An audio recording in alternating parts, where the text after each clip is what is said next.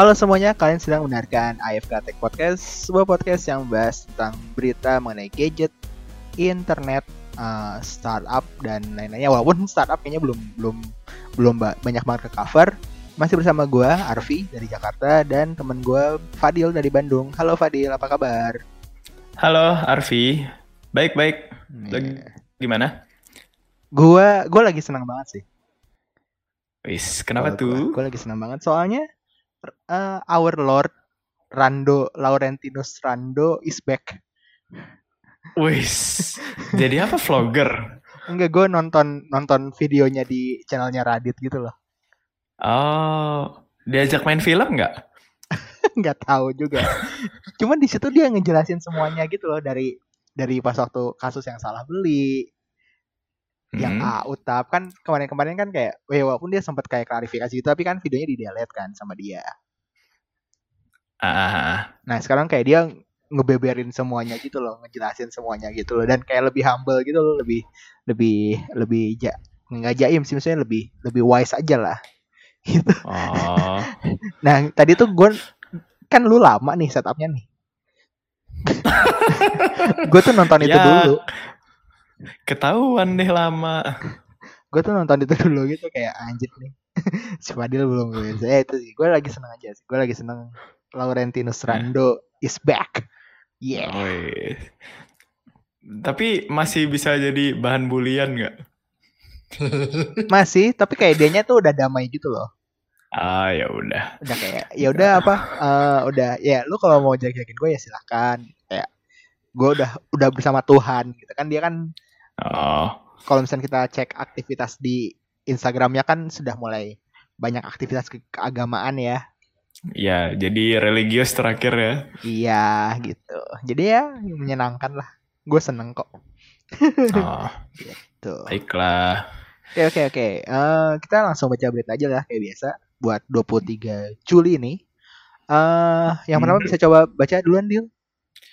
Oke, okay, uh, berita pertama itu Lenovo mengenalkan ThinkBook 13S dan 14S yang disasar untuk UKM.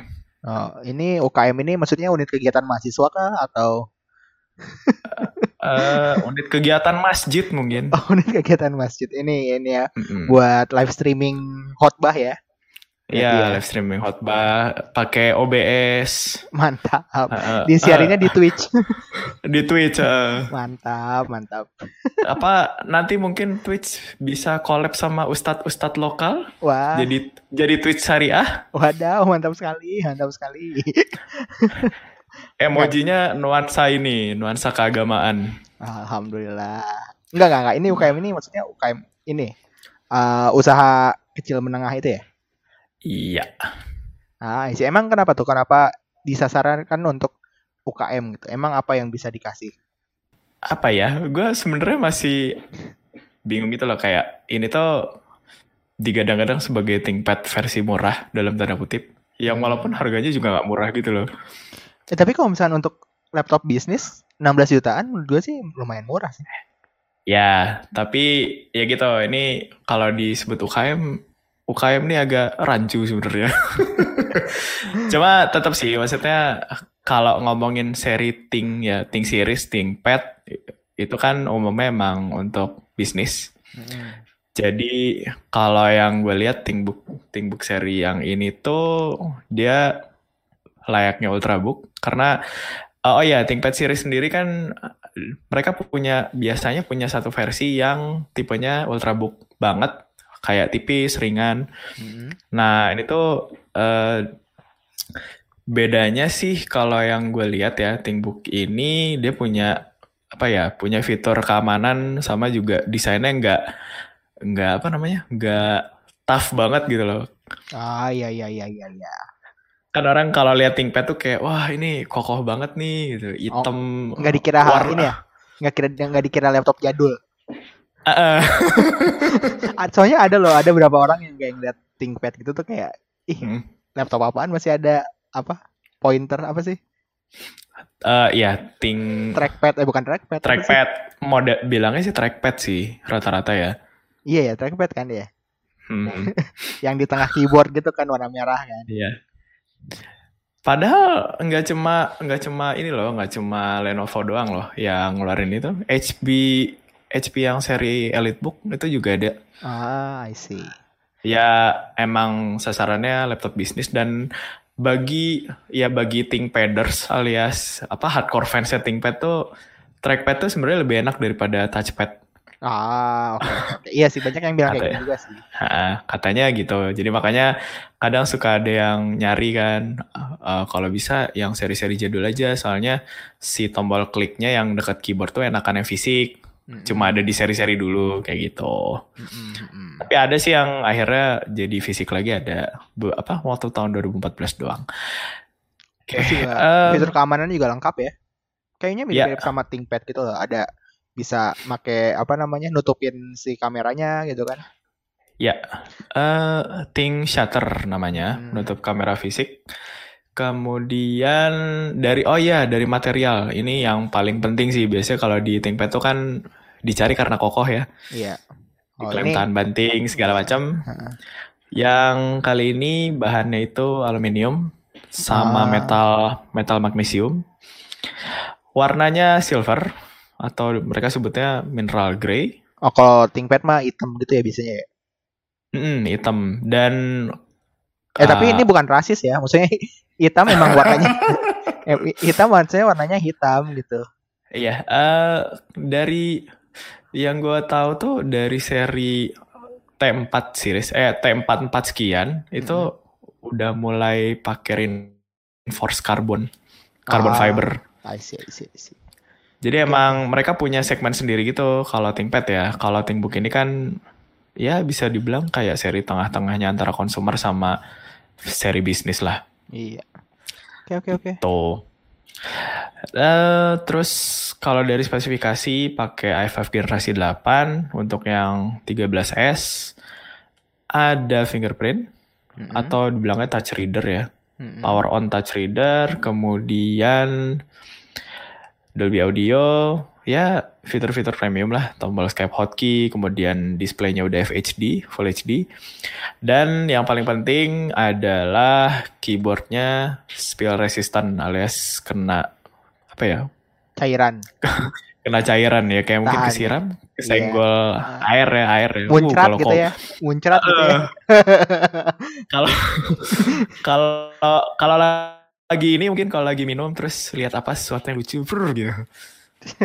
atau enggak oh, bisa aja. Iya, atau enggak kalau lagi sedang ini ya, sedang melakukan kegiatan-kegiatan private ya. ini ya apa uh, ini stand up stand up yang cuma sendiri doang gitu kan. Biasanya iya. kan lucu tuh. Iya.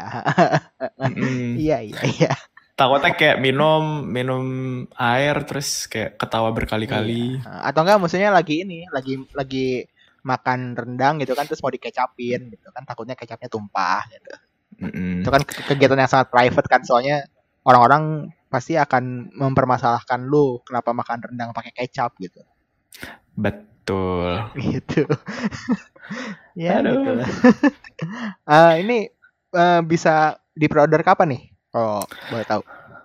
Pre-order mulai 22 Juli sampai Wah. 1 Agustus.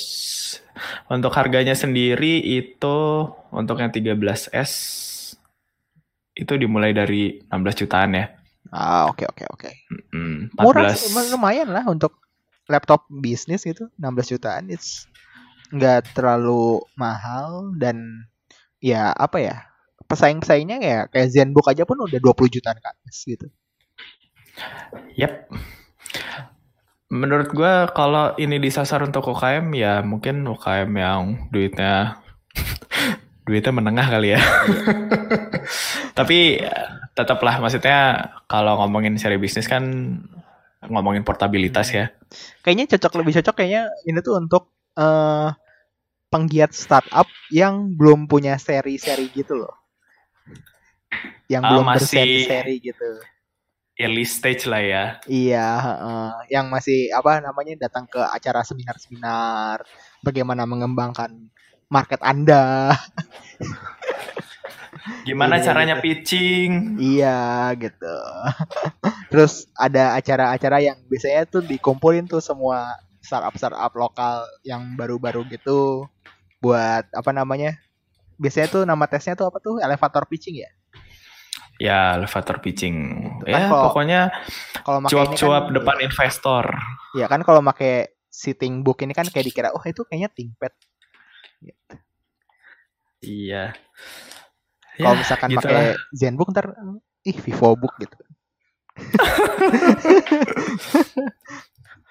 Apaan dah nih? Nggak, nggak ini keyboardnya kalau kena air rusak. Iya, kira-kira gitulah ya. Itu, iya. Eh ya, mungkin bisa jadi pertimbangan kalau memang ada orang yang mencari ThinkPad series dan masih mahal, terutama ngomong mahal ini terutama untuk seri yang keluaran tahun sekarang ya. Iya. Nah, walaupun harga 16 juta kayaknya ya menarik lah untuk laptop bisnis ini oke. Yep, yep, yep, yep, yep. Tuh. Oke, silakan Arfi eh, untuk berita selanjutnya.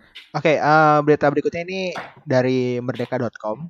Eh, mereka dapat nyobain apa ya lebih dulu da- daripada yang lain itu Realme X. Jadi Realme X ini dia tuh mirip kayak Realme 3 Pro. Eh, Hah? chipsetnya menggunakan Snapdragon 710. Terus, tapi yang jadi unggulan di sini itu kameranya. Ini kameranya tuh konfigurasinya mirip sama Oppo F11 Pro dia eh, 48 megapiksel yang di mana fungsi utamanya itu untuk night mode-nya, mode malam. Jadi lebih bagus eh, menggunakan teknologi quad layer bla bla bla bla bla bla gitu kan.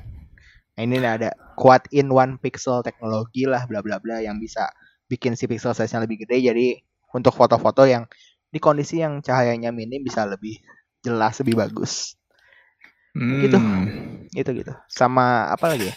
Satu lagi 5 megapiksel depth sensor udah sih. Cuman eh kalau misalnya ngomongin soal Realme ini ya sebenarnya nggak jauh-jauh dari price to performance-nya sih. Katanya sih katanya ya. Katanya Iya. sih harganya bakalan 3 jutaan. 3,6 something. Selalu ya, maksudnya dulu waktu Realme pertama kali keluar yang mana ya gue lupa. Realme 2 Pro bukan sih? Realme 2 Realme 2 Pro ya Iya, Real- ya Realme 2 lah.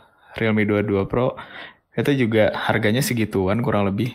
Eh iya tapi ini bacanya Realme X, Realme 10, Realme-nya atau apa? atau Realme kali gitu.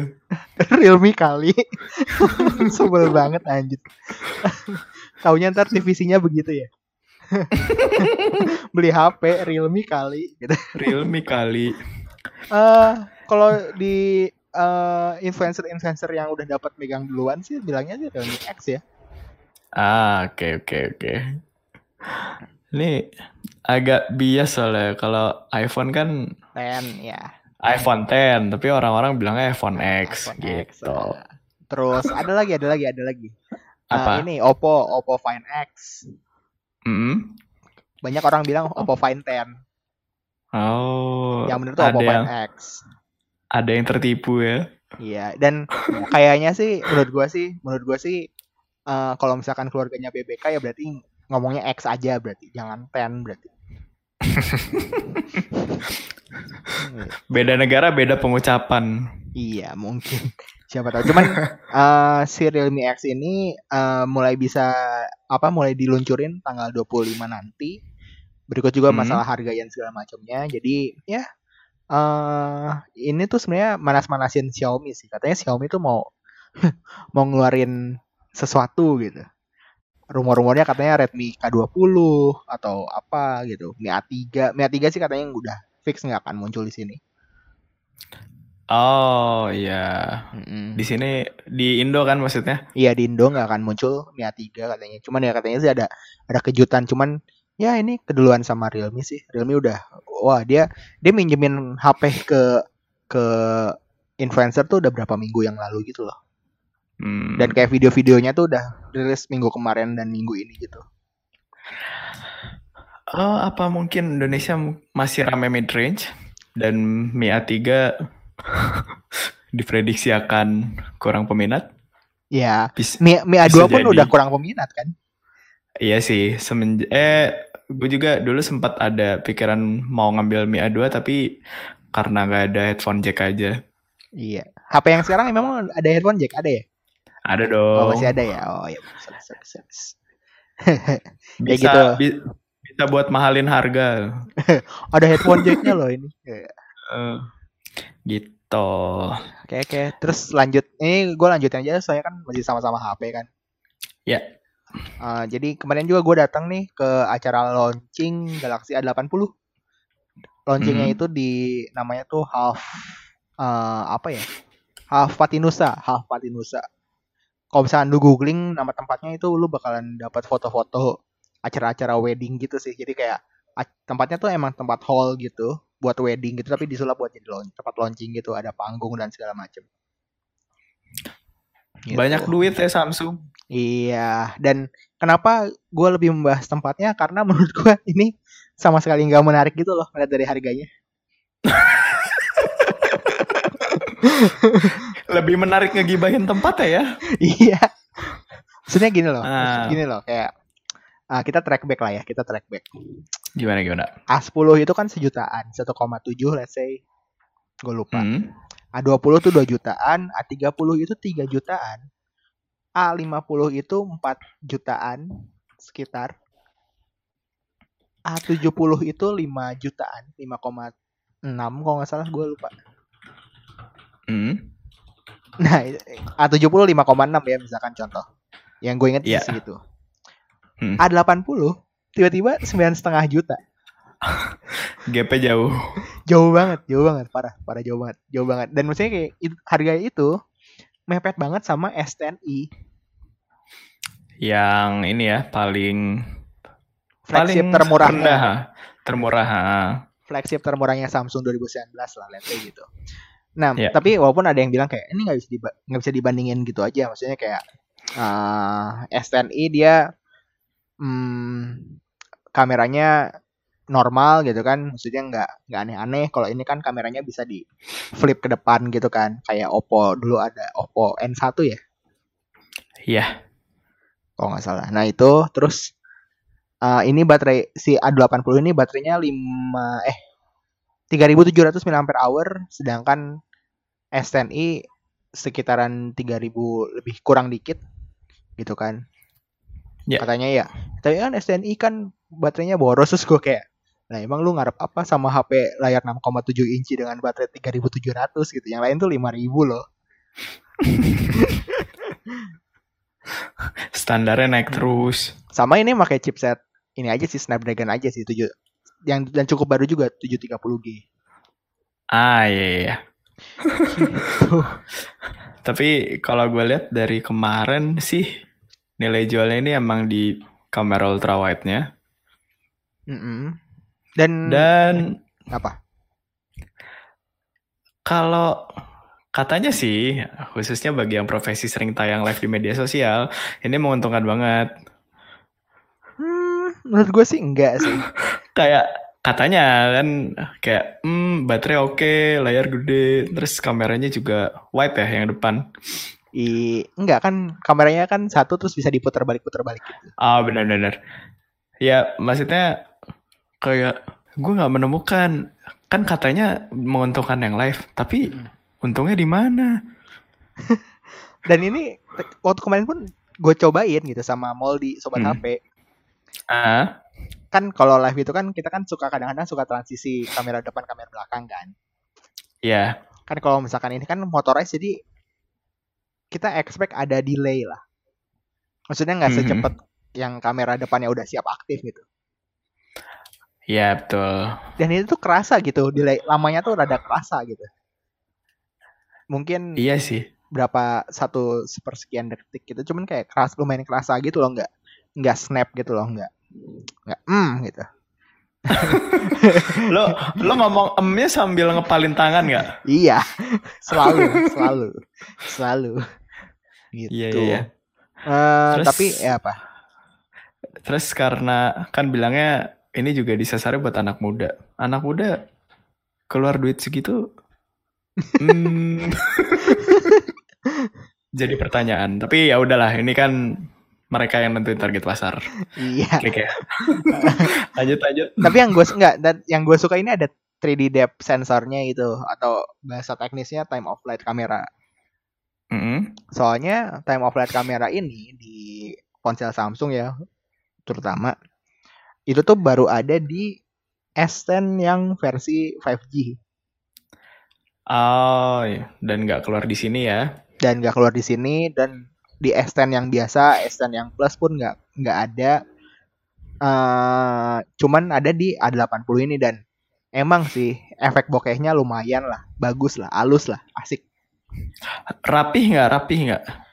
Lumayan, lumayan. Maksudnya nggak rapi sih menurut gue sih nggak. Cuman kayak maksudnya adanya si TOF ini tuh Hmm. eh semakin mendekati subjek itu tuh semakin detail gitu. Tapi ke belakang ke Oh. belakangnya tuh semakin jadi kayak blurnya tuh ada gradasinya gitu loh. Ada ada eksponensial gitu loh. Naik turunnya dan segala itu tuh kelihatan Ah. lebih kayak lebih natural aja. Kon kadang-kadang kan ada tuh yang yang objeknya tuh detail, banget nih, objeknya detail banget nih. Tapi backgroundnya tuh langsung langsung dak blur gitu. Ah, ah. Kan ada yang kayak gitu kan, yang mendadak gitu. Maksudnya bukan ada, bahkan kayak kayaknya semua tuh kayak gitu. Sedangkan yang di Iya.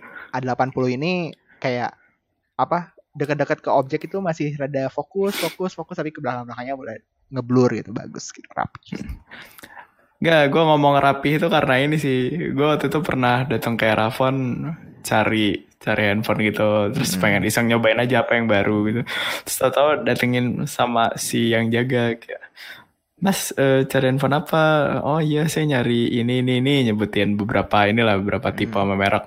Terus tahu oh iya mas yang ini eh, lumayan sering ini juga lumayan sering diminati banyak ah, diminati banyak orang nyari ini kalau ini tuh bokehnya rapi mas gini gini gini gini kayak gitu mikir rapi dari mana orang blurnya kadang ini lebih tinggi daripada objeknya iya gue gue jadi bingung sendiri kayak ini definisi rapi ini bagaimana? Ya rata-rata yang dimaksud rapi adalah separasinya sih.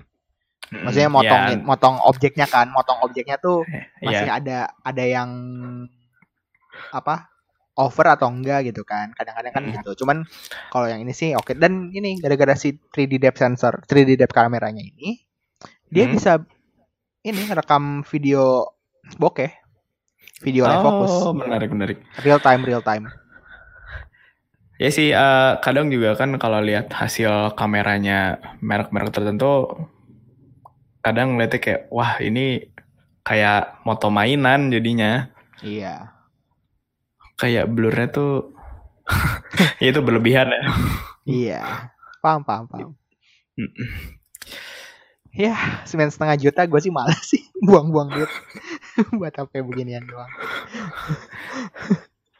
Kan ya, yang Si- disasar anak muda. Iya, motorized kameranya ya oke lah gitu. Cuman kayaknya bentar lagi ya bakalan keluar Zenfone 6 yang harganya mungkin 7 juta, 8 juta kayaknya. Mulai ini ya, mulai goyah. Gitu. Dan katanya sih sebelum Note 10 nanti rilis bakalan ada satu HP lagi yang mau diresmiin sama Samsung di Indonesia. Boleh dibocorin? Eh gosipnya sih M30. Ah, iya, iya, iya. Itu sempat ramai juga di luar ya. Iya. Dan gue kayak masih nggak ngerti gitu loh, kayak bedanya seri M sama seri A sekarang tuh apa sih? Mirip semua. Tapi ntar kita coba bahas itu di topik lain. Kita bahas kayak segmentasi-segmentasi ponsel tuh gimana. Kita coba itu ntar kapan-kapan kita bikin episode khusus di situ ya, oke? Oke, oke. Ya, oke. Lanjut ke berita berikutnya aja langsung. Berita berikutnya, Qualcomm meluncurkan prosesor paling kencang, Snapdragon 855 Plus. Hmm. Diklaim punya performa CPU dan GPU yang jauh lebih kencang dari 855. Ya, dari namanya kelihatan lah ya ini Hmm. versi improvement. Eh, Kalau misalnya lebih jelek berarti 855 minus ya berarti. ya. minus, ah, minus. Mar- marginal mungkin. marginal. Aduh. Ah, jadi ada kenaikan clock speed dari eh naik jadi 2,96 dari 2,84. Terus apa diklaim punya performa GPU yang lebih kencang sekitar 15%. Dan apa ya? Kalau Qualcomm sendiri emang ngenalin seri yang ini sebagai ya chipset untuk gaming. Iya, kayaknya mereka tuh pas waktu kan tahun lalu kan ada ROG Phone kan. Make Snapdragon 845 yang di overclock. Ya. Sama Asusnya gitu.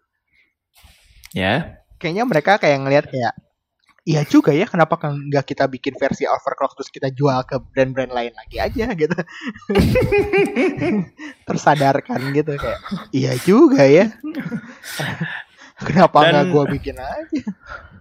Dan beneran kejadian gak sih kalau ternyata Snapdragon 855 Plus ini bakalan dipasang di ROG Phone seri berikutnya. Iya, dan rumornya selain ROG Phone ini juga bakalan dipakai di Xiaomi Black Shark yang baru. Ya, Black Shark 2 Black Shark ya, nge, Black Shark, Black Shark Ya. 2 ya? atau kemarin gue baca Black Shark 2. Apa gue salah Oh, baca? Enggak, enggak. Ya udah oke. Black Shark 2 Pro. Gue juga lupa. Dan Black Shark 2 Pro. rumornya sih S eh seri S. Note Note 10 Plus katanya bakal bakalan pakai ini juga gitu.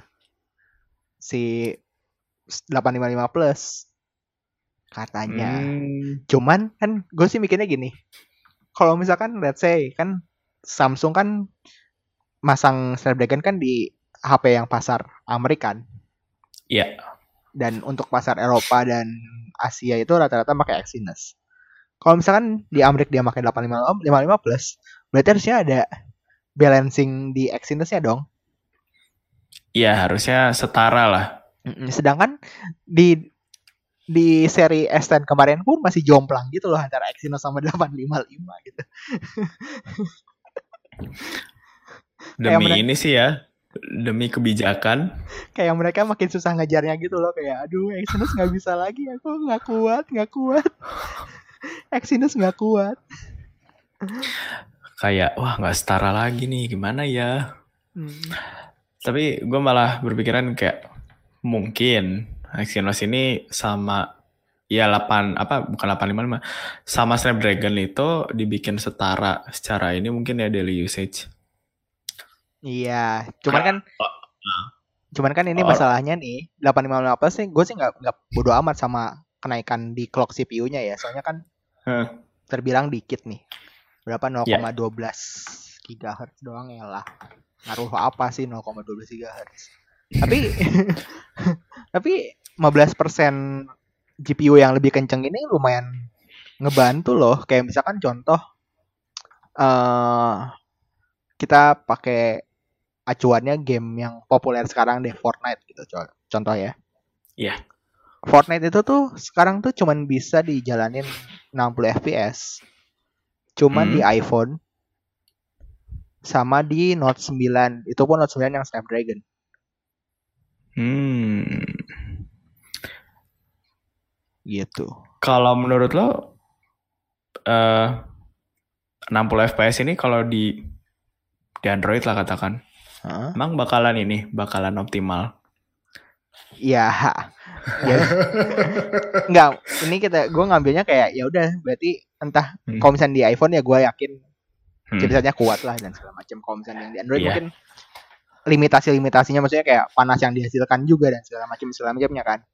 Ah, beban-beban yang di, yang yang didapat itu kan. Maksudnya kayak kalau misalkan 855 Plus ini ya dengan GPU yang lebih kencang gitu, why not gitu kan dibuka gitu 60 fps gitu akhirnya gitu di ber- berbagai smartphone yang menggunakan chipset ini gitu dibandingkan yang sebelum-sebelumnya yang di lock aja karena eh, masalah safety atau apa segala macam Ya, gitu menurut gue sih gitu sih faktor-faktor ya yang menjadikan sebuah SoC stabil lah.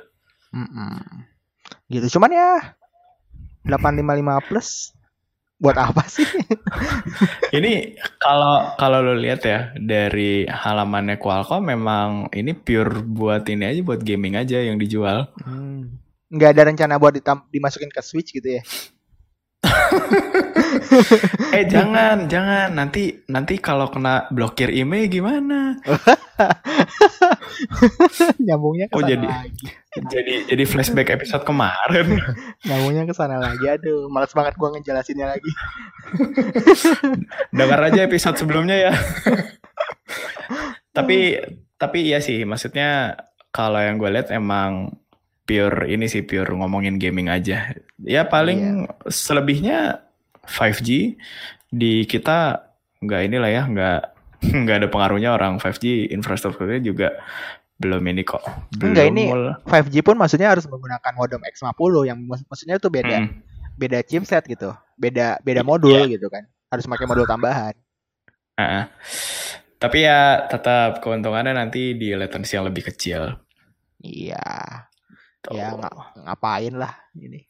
ROG Phone ROG Phone 2 juga nggak akan datang sini. ROG Phone pertama aja nggak ada kabar.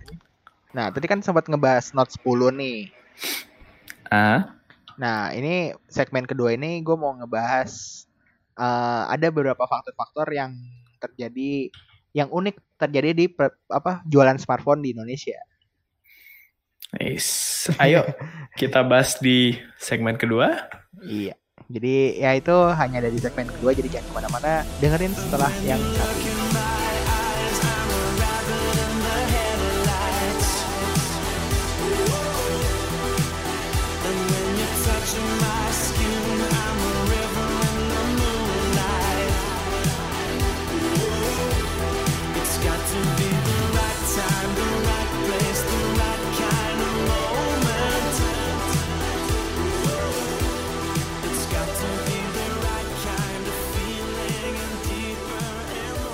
Oke, sekarang kita masuk ke segmen 2. Di segmen kedua ini, eh, gue sama Arfi bakalan ngebahas tentang rahasia jualan smartphone di Indonesia. Hmm. Jadi, ya ini eh teori masing-masing sih harusnya. Cuma gini, eh kadang kalau ngelihat harga smartphone tuh kan ada yang ini gak sih kayak muncul harganya sekian waktu rilis. Terus dari tahun ke tahun itu harga ini ngomongin harga resmi ya. Harga resmi itu makin lama turun Mm-mm. dan kadang turunnya tuh jauh banget. Kalau gua tuh gua tuh ya nggak tahu ini gue takutnya ini jinx jadi kemampuan gue tiba-tiba hilang tapi ya udahlah nggak apa-apa. tapi tapi gue tuh dari zaman SMA Ah, dari zaman SMA tuh gue tuh punya kemampuan untuk nebak harga smartphone.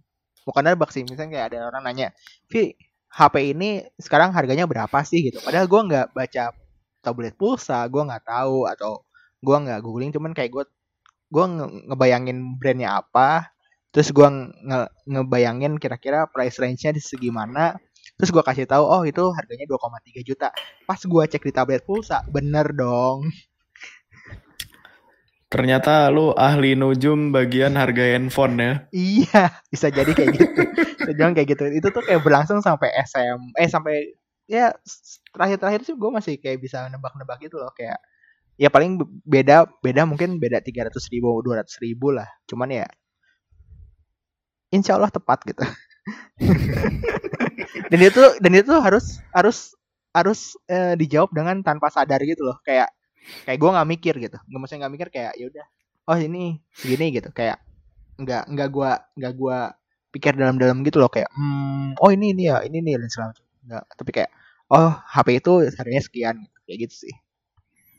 Nah, ya atau jawabnya ini kali ya kayak lu siapin aja budget segini. iya bisa jadi. Nah, Karena kan harganya berubah-ubah. nah, bisa naik bisa turun. Iya. Maupun cenderung turun sih tapi ya, itu eh, dan dari situ kayak dari situ kan gua sering ngamat, mengamati pergerakan-pergerakan smartphone di Indonesia gitu kan maksudnya dari SMA lah Iya.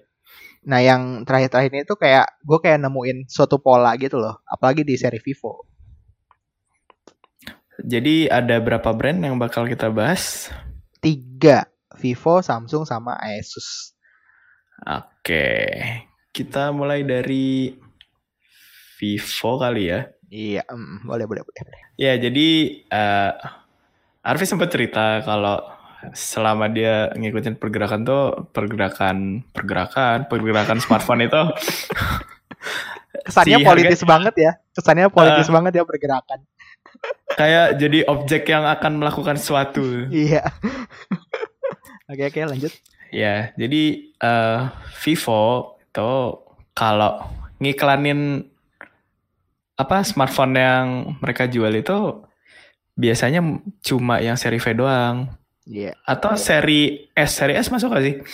Seri S karena baru masuk lah dan harganya lumayan. Karena baru. kok. Iya, yang Lumayan S1 juga. ya. Iya. Nah, tapi sedangkan yang seri low end ini kita tuh nggak pernah nggak pernah ngelihat ada iklannya yang bener-bener iklan gitu. Kalau kalau gue sendiri ya, kalau gue sendiri seri Y ini kayak misalkan Y91, Y17 kayak gitu tuh malah taunya tuh dari YouTube doang. Iya, di YouTube sih ada seri Y ini nih. Kan nggak ada iklannya, nggak ada apa, tapi misalnya orang pengen tahu infonya dan segala macam, YouTuber-YouTuber, influencer-influencer atau tek- tekno-tekno reviewer gitu, emang niat beli gitu kan. Soalnya eh, engagement videonya juga lumayan bagus karena orang-orang tuh pada nyari dan belum ada gitu. Maksudnya nggak diiklankan, nggak ada medianya, nggak ada apa segala macam gitu sih.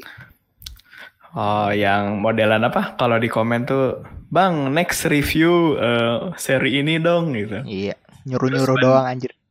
Eh, bandingin sama ini dong kayak lah duit siapa? Cuman kan mungkin dia juga pengen beli kan. Ya siapa tahu itu membantu lah. Hmm. Ya, eh, ya paling karena ini sih karena nggak ada nggak ada iklan atau mungkin nggak ada orang yang bahas. Hmm. Akhirnya dengan dengan sukarela beli. Hmm, Cuman ya lu nggak gitu. penasaran gak sih kalau misalkan kenapa nih seri low endnya nggak diiklanin gitu? Bah, even kayak Xiaomi diiklanin loh beberapa Iya, apa seri-seri yang maksudnya nggak diiklanin sih, maksudnya kayak di media tuh adalah press release dan segala macamnya tuh ada gitu. Kayak modelan diam-diam dirilis gitu ya. Iya gitu, dan kayak nggak ada launching nggak ada apa tiba-tiba muncul aja di di pasar ada aja gitu. Tapi ya sih, eh, emang kenapa Vi? Jadi kalau gua sih punya pendapat itu. Dan ini nggak cuma Vivo doang by the way. Oppo juga punya punya strategi yang sama. Kalau yang gua lihat. Hmm. Jadi kayak kayak eh kita gua mau ngambil contoh misalkan yang paling baru deh. Vivo S1 nih. Vivo S1 kan rilis medianya di mana-mana, review di mana apa? Ya di YouTube ada, di media ada, di iklan di TV pun ada. eh dia ngegayat brand ambassador eh siapa gitu, Cheryl siapa gitu, gua nggak tahu Hmm. penyanyi gitulah eh ngegaya ya emang gue beneran nggak tahu gimana dong Ah, ya kita kita nggak tahu penyanyi maaf. gitu terus kayak kemarin di acara launchingnya tuh diundang juga Atta Halilintar Ria Ricis siapa Oh, lagi? yang yang masuknya barengan? iya. Ria Ricis itu Arfiadi Pratama gitu kan. Ah, iya, uh kayak kenal siapa tuh ya? itu terus eh itu yang S1 tuh. Wah pokoknya gembar-gembor banget lah. Tiba-tiba beberapa hari kemudian eh muncul yang namanya Vivo Y15 dan nggak ada yang apa media-media atau misalnya berita portal berita yang ngeliput atau misalnya ngasih tahu itu. Ah, Oke. Vivo Y15 pas waktu gue cek Vivo Y15 itu tuh bentukannya mirip banget sama Vivo S1 mirip banget. Kayak lu punya saudara kembar nih. Tapi Hmm. yang satu lebih nggak bisa apa-apa aja gitu. Nggak punya bakat aja gitu Gue kira lu mau bilang ini apa? Ya cuma beda orang tua aja gitu. nggak nggak ini kayak kayak lu lu lu baca iShoot nggak Enggak. oh mbak di iShoot tuh ada yang namanya eh Kongo bersaudara Ah, mereka kembar tapi yang satu itu dikasih bakat gitu punya Oh, natural iya. bakat yang natural gitu sedangkan yang satu lagi tuh cemen gitu nggak bisa apa-apa gitu tapi mereka kembar gitu Iya iya. nah ini kayak gini. Yang satu tuh dikasih apa? Layar AMOLED full HD in, display fingerprint sensor eh chipsetnya juga chipset yang terbaru gitu kan. Segala Hmm. segala macamnya gitu. Yang satu nih dikasih layar HD IPS fingerprint sensornya masih di belakang gitu. Tapi bentukannya mirip banget. Nah di sini gue punya teori Gimana gimana?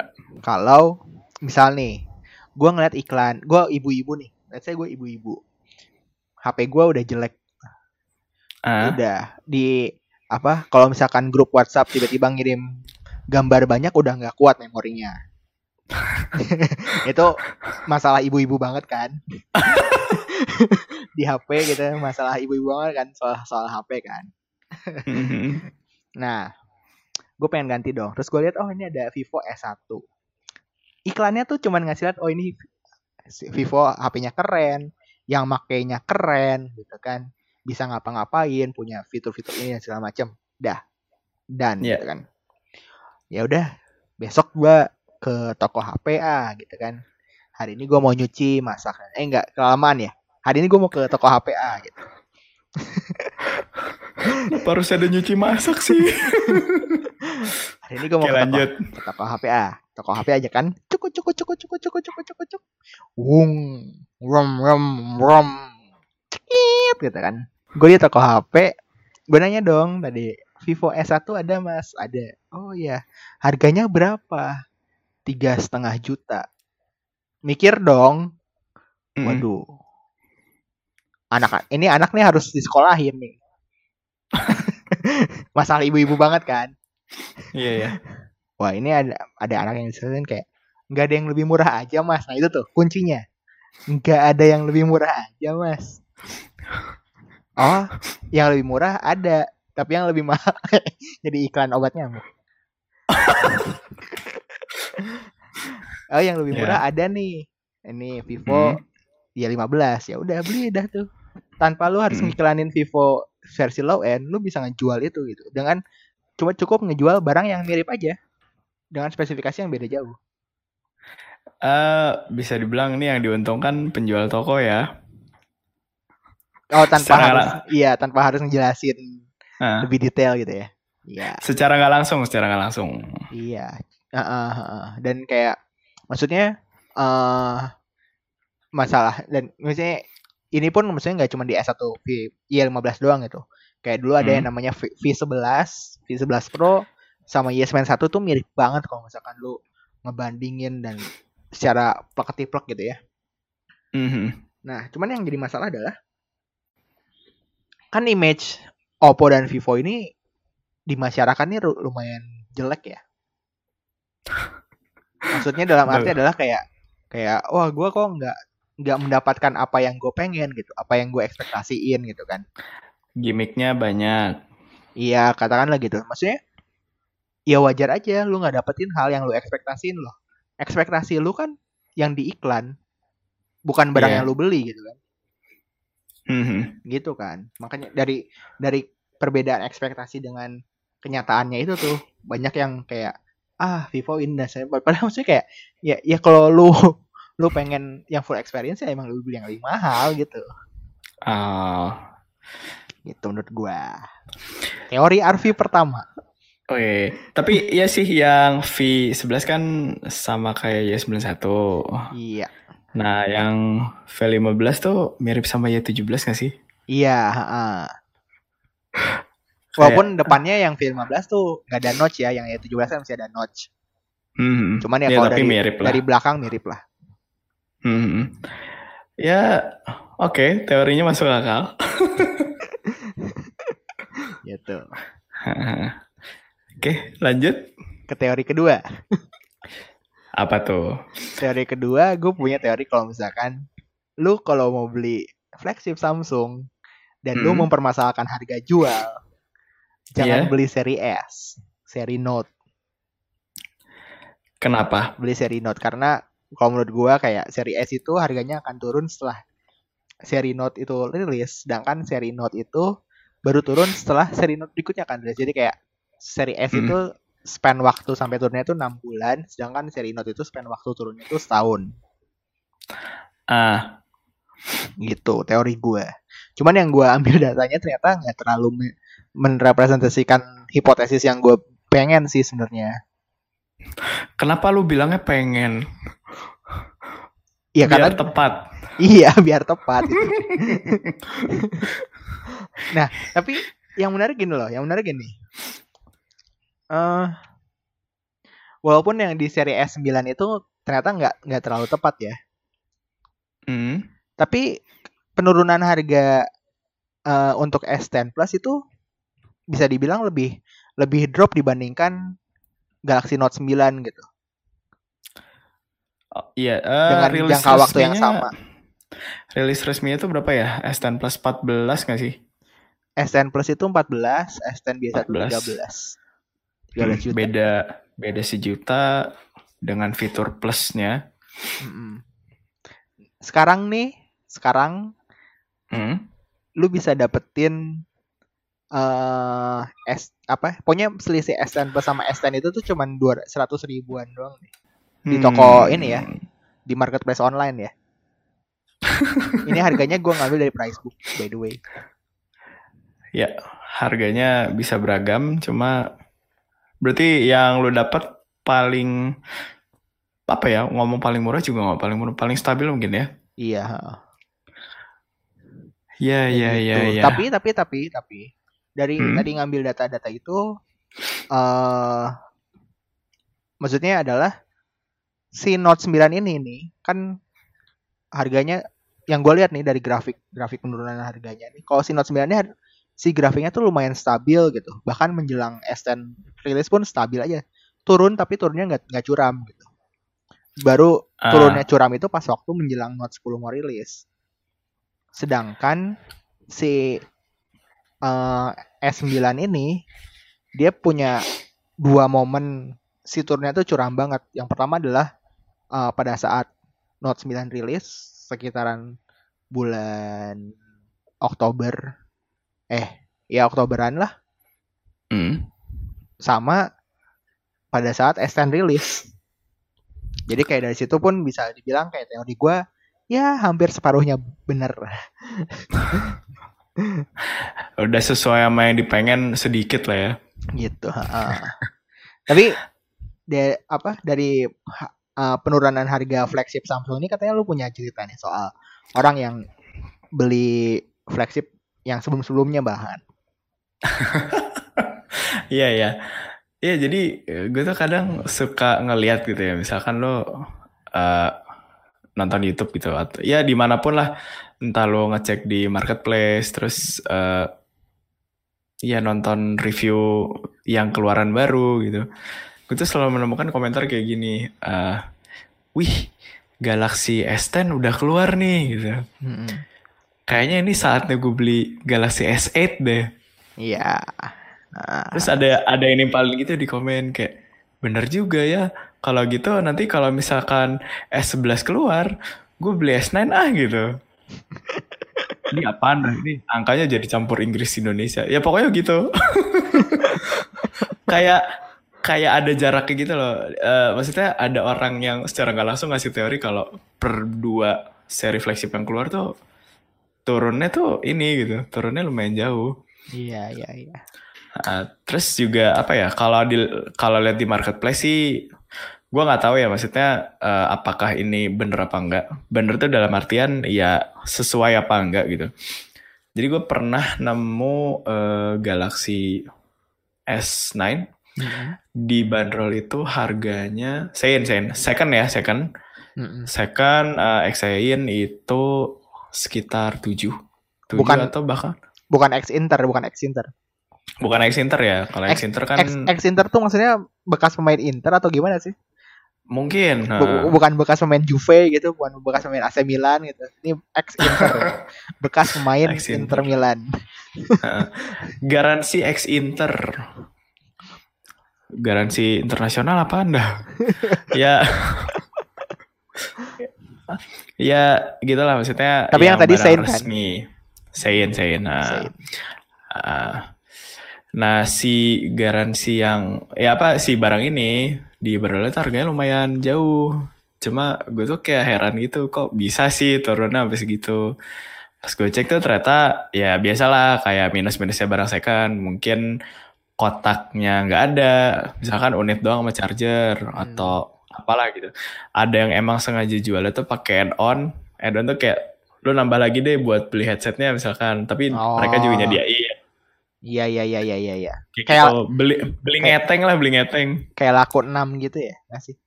Mm-mm, Iya. Tapi kan kalau laku 6 kan rat, eh, laku 6 tuh kan rata-rata barangnya itu dari hasil trade in. Iya, heeh. ada yang jual sukarela, ada yang ini dari barang trade in juga. Tuh. Oh ya, kalau ada yang belum tahu, uh, Lakon 6 ini uh, website websitenya di lakon6.com ya. Nah itu tuh mereka jualan barang second, tapi udah apa namanya di sama mereka tuh udah diperiksa gitu kayak punya grade masing-masing. Itu biasanya dari barang-barang trade in, trade in yang misalkan uh, beli S10 trade in sekian, nanti handphonenya dari berapa. Nah si handphone handphone itu tuh dikumpulin sama mereka gitu. Nah uh, ya gue kayak mikir apa iya sih harga S series itu sejatuh itu? Dan kalau misalkan dari apa namanya dari yang lu cerita sih emang bener iya, iya. Kayak kayak kalau dibandingin gitu Note series sama S series tuh S series tuh lebih jatuh. Soalnya kan Note Note itu kok gue ngeliatnya tuh kayak Note itu tuh kayak seri seri S-nya iPhone gitu loh maksudnya kayak mm uh, dia membawa improve atau bukan improvement perfection lah ke seri S dengan nambahin hmm. S Pen kayak lu menang yeah. banyak gitu ya gue setuju uh, kalau dibandingin sama base model gitu yeah. yang ya paling murahnya itu sama base modelnya S eh sorry sama Note series itu emang ini ya misalkan sama Note 9 gitu S10 sama Note 9 ya yang hmm. barengan hmm. ya itu tuh nambah mungkin nggak seberapa banyak, tapi lo dapat uh, ini kapabilitas S Pen atau bahkan ada sesuatu yang lebih gitu loh kalau dari Note series gitu. Bahkan kayak uh, gue sih merasa juga kayak kalau misalkan seri Note itu tuh kayak punya punya fanbase yang kuat gitu loh. Iya. Yeah. kayak orang-orang tuh yang udah pakai Note itu tuh pasti gantinya ke Note lagi gitu. Jarang orang yang pakai Note terus pindahnya ke S gitu karena udah nyaman sih biasanya sama yeah. S Pen. Salah satu contohnya bokap gua, bokap gua gitu tuh. Kenapa tuh? Iya, dia uh, inilah kalau pakai Xiaomi namanya Mi Fans ini Note Fans lah. dia pakai dari dari Note Note 3 Note mm -hmm. 3 terus naik ke Note uh, Note Edge uh. Note Edge dari Note Edge terus naik lagi ke Note 8 terus sekarang Note 9 ya, berarti tuh. sekarang handphone sama nih sama bokap ya iya tapi uh, bokap gue tetap nggak mau kalah soalnya dia makanya yang 512 giga cuman layarnya udah hancur bos Kenapa jatuh tuh? jatuh kena jatuh di apa uh, jalanan semen gitu. Hmm. pas dia lagi hmm. golf. Nggak pakai anti gores nggak pakai casing. Uh, jatuhnya langsung kena layar tuh. Plak uh, gitu. gue gue kira drop test itu drop test. Terus gue bilangin tuh kan kayak kayak nih mau nggak nih tukar tambah? Tapi ayah yang nambah. Sama anaknya jahat ya. Sama kan not gue masih mulus nih masih mulus mulus banget gue gue rawat hmm. saya bakalan dipakai lama uh nggak akan ada kepikiran buat ganti yeah. HP dalam waktu dekat jadi gua gua sayang sayang hmm. tapi uh, ngomongin soal itu aku juga jadi inget kayak Note 9 itu kan dia ketika pertama rilis itu bukan rilis ya diperkenalkan terus kan ada pre-order kan hmm. Nah itu add-on add-onnya sih menurut gue yang menarik kayak lu PO harga sekian maksudnya yang seri ya yang lebih tinggi itu punya bonus kayak misalkan smart TV. Iya. Yeah. Yang S10 juga sama ya, smart TV sama Galaxy Watch, yeah. Galaxy Buds juga. Mm-hmm. Gitu sih. Semenjak Galaxy Note 9 emang apa namanya opsi untuk pre-order lebih menarik dibandingkan beli biasa sih atau beli trade in. Trade in sebenarnya hmm. yang yang yang nyesek tuh trade in. HP lu dijual kalau misalkan yeah. lu cuman naruh satu HP doang ya rugi gitu. Lu kayak misalkan kayak contoh uh, misalkan bisa trade in sama 5 HP ya udah lu harus bisa mak maksimalin 5 HP itu gitu. Jangan cuma satu HP doang. Iya. Dan harganya emang sadis-sadis sih. Iya. iPhone aja dihargain berapa? 8 juta apa? kurang ajar. Lo beli puluhan, harga handphonenya berapa? Di harga 8 juta doang. Tapi itu lu- lumayan sih buat kalau mau ngemutihin iPhone beli BM gitu. Ah, ide bagus. Lumayan sih. Iya, iya, iya. Jadi urusan ininya sama mereka lah. Iya. Urusan resmi tidak resminya mereka aja. Ntar paling tiba-tiba keluar ada di iBox versi refurbished. Atau mungkin nanti setelah tanggal 17 Agustus ada promo trade-in pemutihan Bisa jadi, bisa jadi. bisa jadi. Gitu.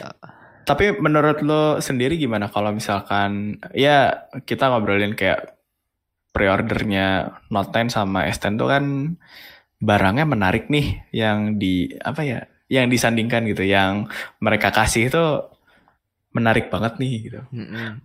Kalau lo sendiri misalkan beli S10 pre-order terus dapetnya yang Smart TV.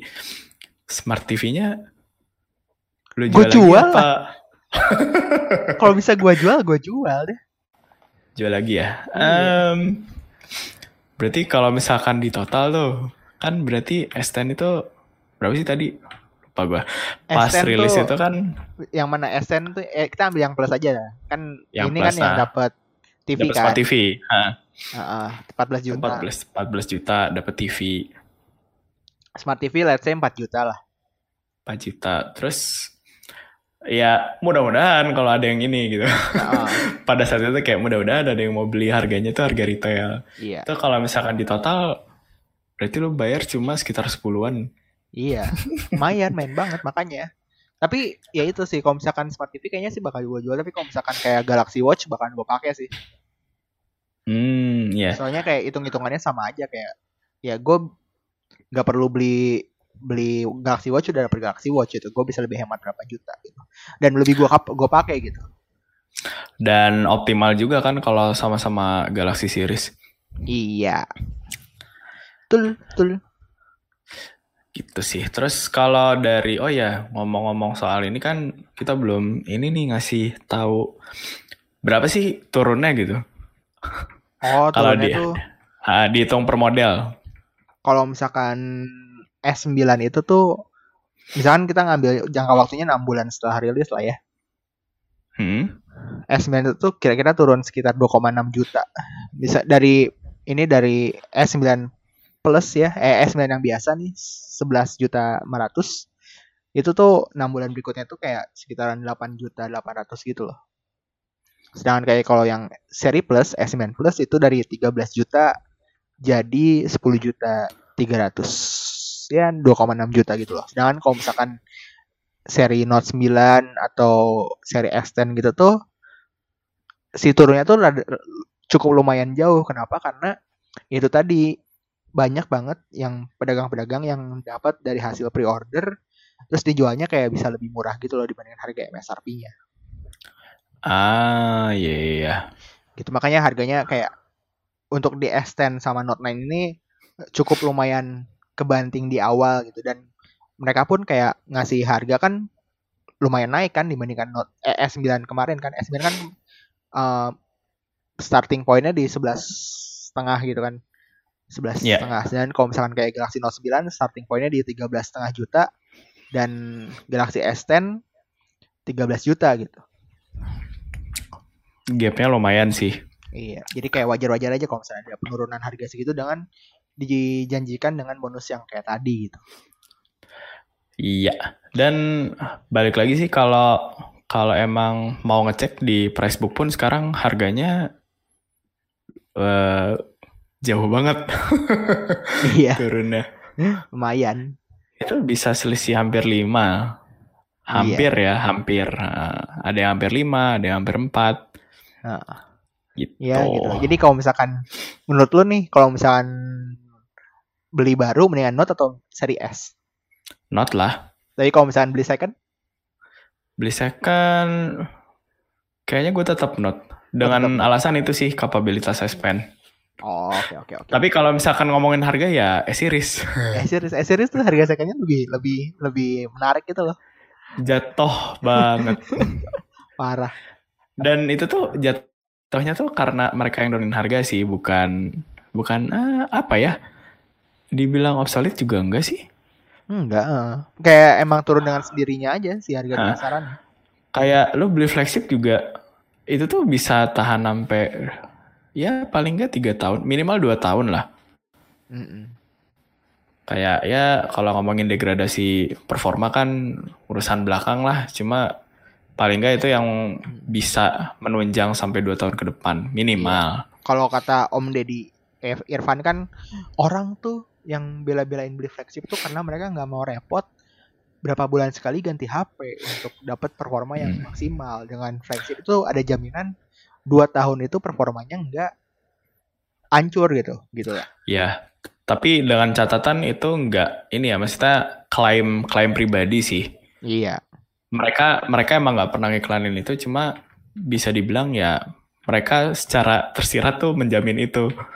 Iya dan Ah, ngomongin soft. soal harga Hmm. ngomongin soal harga yang hancur lo tahu nggak sih kalau ada brand HP di Indonesia yang batang hidungnya tidak terlihat sama sekali di tahun ini Apa tuh? lu lu nanyain gak sih Asus ke mana sekarang sampai sekarang belum ngapa-ngapain Iya sih, biasanya mereka cukup rame kalau misalkan ya bikin launching atau apa gitu. Hmm, kayak misalnya dua tahun lalu tuh kan ada seri Zenfone 4 Selfie.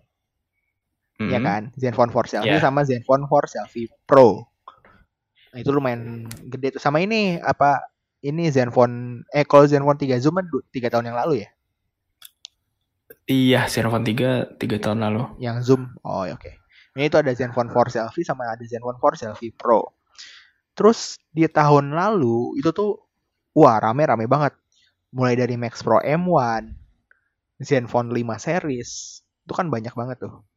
Hmm. bahkan akhir tahun aja tuh ngeluarin Zenfone Max Pro M2 gitu di Desember 2018 di 2019 mereka ke mana? Tidak terlihat batang hidungnya. Itu kalau kalau dimasukin media pasti eh, dibilangnya eh, kehabisan ide kah? Widih. Apa kabar Kayak Asus sekarang? Eh, masih ingat brand yang mengeluarkan banyak seri di tahun kemarin? Begini nasibnya sekarang. Ya, tapi sebenarnya nggak nggak nggak nggak apa namanya nggak kosong-kosong banget sih sebenarnya ada Hmm. satu smartphone namanya Zenfone Live L2 cuman nggak ada Ya. launching tiba-tiba ada di pasar aja Tahu-tahu ya ada aja yang jual gitu. Heeh. Tapi ini nggak sih sama kayak eh, modelannya atau kasusnya sama kayak ini nggak sih sama Vivo Y series tadi? Kayak adakah orang yang sukarela akan membeli? oh Zenfone Live L misalnya kita ngambil Zenfone Live L1 lah ya sebagai predecessornya Zenfone Live L1 tuh lumayan cukup diiklankan loh Ah, maksudnya kayak ada ada campaign di sosial medianya ada gitu. Nggak kayak Vivo seri Y yang yang nggak pernah disentuh sama brand sama sosial medianya gitu. Hmm, oke oke. Zenfone Live sedangkan kayak Zenfone Live L2 sih emang kebetulan aja mungkin emang apa lagi narik nafas dulu nih Samsung nih baru dikeluarin bareng-bareng gitu atau apalah. Cuman yang menarik sebenarnya adalah eh, beberapa smartphone Samsung eh Asus ini Ya. har- harga retailnya itu diturunin abis-abisan gitu. Kelihatan sih. Ini kayak misalnya ini gua gua sebutin aja satu-satu ya. Misalkan Zenfone 5G 5Z flagship tahun lalu Snapdragon 845 bla bla bla bla bla bla bla bla bla. Itu dari Ya. 6 juta 700 sekarang jadi 5 juta kurang 1000. Gue ingat juga sih waktu itu ada salah satu kita bilang apa ya, selebriti atau influencer? Iya siapa siapa siapa namanya? Eh, ini eh, Om Om Heri Om Heri. Oh HSW. Kan kalau nggak salah, ah kalau nggak salah kan sempat ini kan, sempat ngasih tahu juga kalau 5C lagi turun nih sekarang harganya segini gitu. Iya, terus yang 256 GB 6 juta kurang 1000 sekarang harganya. Gila, wow. Zenfone 5, gua dulu beli Zenfone 5 4,5 juta, men. Sekarang jadi Tengkulak. sekarang jadi 3 juta kurang seribu. 3 juta kurang seribu. Itu eh, berapa tahun sih? Dua ya? Dua atau tahun lalu tahun lalu. Tahun lalu. Eh tahun lalu. Ha sorry sorry. Persis tahun lalu. Mm-mm. udah pakai Android Pie juga sekarang. Iya eh semi semi pure sih tapi ya tetap lah Zen UI iya cuman ya oke lah. Terus kayak, kayak Max Pro M2 tuh dari 2 juta 800 jadi 2 juta 400 mungkin nggak biasa aja tapi yang menurut gua menarik adalah Z Max Pro M1 yang dari 1,8 juta ke 1,6 juta. 1,6 1,6 juta lu dapat baterai gede prosesor bagus buat main game oke hemat daya juga eh pure Android bisa diinstal Gcam nikmat mana yang kau dustakan gitu nikmat nginstal Gcam ya. Itu kayak wah ini 1,6 juta cuy. Seharga satu harga satu harga sama kayak apa? Infinix apa? Infinix Infinixan gitu kan atau enggak ya seri Y-nya Vivo gitu. Ada jaminan ini lagi jaminan update. Iya. Dan di XDA juga rame gitu kalau lu mau ngoprek gitu kan Mm, 636 cukup ini sih cukup rame. Gitu. Ya. Gila sih Asus. Tapi ya itu sih eh, apa namanya beberapa apa ya pengamatan pengamatan gue terhadap harga-harga smartphone per 23 Juli 2019 ini ya inilah akhir semester pertama lah menjelang semester kedua. Masuk semester 2 kayaknya banyak yang bakal muncul lagi. Iya. Dan apa ya kita juga nggak tahu sih ntar bakalan kayak gimana. Apalagi setelah kebijakan yang blokir-blokiran email juga muncul. Karena apa ya kalau gue sendiri sekarang jadi mikir kayak eh bukan masalah ininya lagi sih bukan masalah soal resmi enggaknya tapi kalau misalkan itu diterapin kan jadinya kayak wah mid range kayaknya banyak buat pilihan. Iya banget. At- at- atau bahkan eh, apa namanya mid range adalah satu-satunya model yang nggak bikin kita rugi. Iya. Apalagi kalau misalkan kita belinya tiga bulan ganti tiga bulan ganti tiga bulan ganti Hmm. gitu ya. Nah gue jadi ingat dulu pernah menemukan orang yang kayak gitu sih. Kayak dia baru beli seri apa terus nggak taunya berapa minggu atau sebulan kemudian tuh muncul seri baru. Ya baru sekedar diumumin gitu. Terus kayak dia marah-marah eh, tolong hargai investasi kami gini gini gini gitu. investasi tapi, Ya. tapi orang-orang kayak gitu tuh ada aja dan gue tuh pernah Ah. cerita gitu pernah cerita gitu di sama teman-teman dari Kurio Mm-mm. kalau misalnya orang-orang seperti itu tuh ada yang tiga bulan sekali ganti HP gitu kan walaupun HP-nya misalnya yang mid end semua gitu Iya. mainstream mid end semua gitu tapi kayak ada gitu yang sekedar pengen pengen baru aja pengen kekinian lah ya. Iya kayak mereka tuh nggak percaya gitu loh. Ada yang kayak gitu terus kayak gue cerita ada loh yang kayak gitu gitu. Dan gue bicarain di podcast gitu. Di bahkan di luar sana pun ada kok. Maksudnya kalau kalau mau nyari ya ada kok artikel yang membahas tentang kenapa ponsel mid range itu layak beli. Misalnya layak beli dalam dalam artian ya Oh, nggak bikin lo rugi gitu nggak bikin lo rugi. Videonya Tech Altar gitu ya juga kan ngebahas juga sempet. Ah ya cuma gue waktu itu lebih banyak nemuin artikel sih. Nah, kayak eh, kenapa handphone mid range itu cukup banyak diminati? Iya. Terlepas dari negara mana ya. Cuma alasan alasan yang paling kuat itu itu kayak lo kalau emang orangnya bosenan, lo enam bulan sekali ganti juga nggak nggak apa-apa gitu. iya Lo nggak rugi bayar bayar nggak mahal tapi gini gini gini gitu. Asal beli yang mid, mid, mid end kan maksudnya Iya, asal beli mid end. eh tadi pak di di sana tuh 400 dolar tuh termasuk mid end Itu handphone kontrak atau lepas? lepas misalkan kayak contoh Pixel 3a kan 349 dolar Hmm. itu tuh mid end di, di sana sebutnya mid end budget budget budget phone disebut sana. Di sini tetap mahal cuy. 7 juta. Ya beda penghasilan pak. kan kalau ya kalau di Amerika kan penghasilan paling kecil sekitar 1000 sampai 1500 ya wajar lah kalau misalkan ini. Cuma tetap sih kayak itu nggak nggak relevan buat kita. Iya. Pixel 3a rilis wah ini katanya Pixel 3a murah. Masuk Indonesia ah mahal-mahal juga. Mendingan beli Pixel 2 bekas.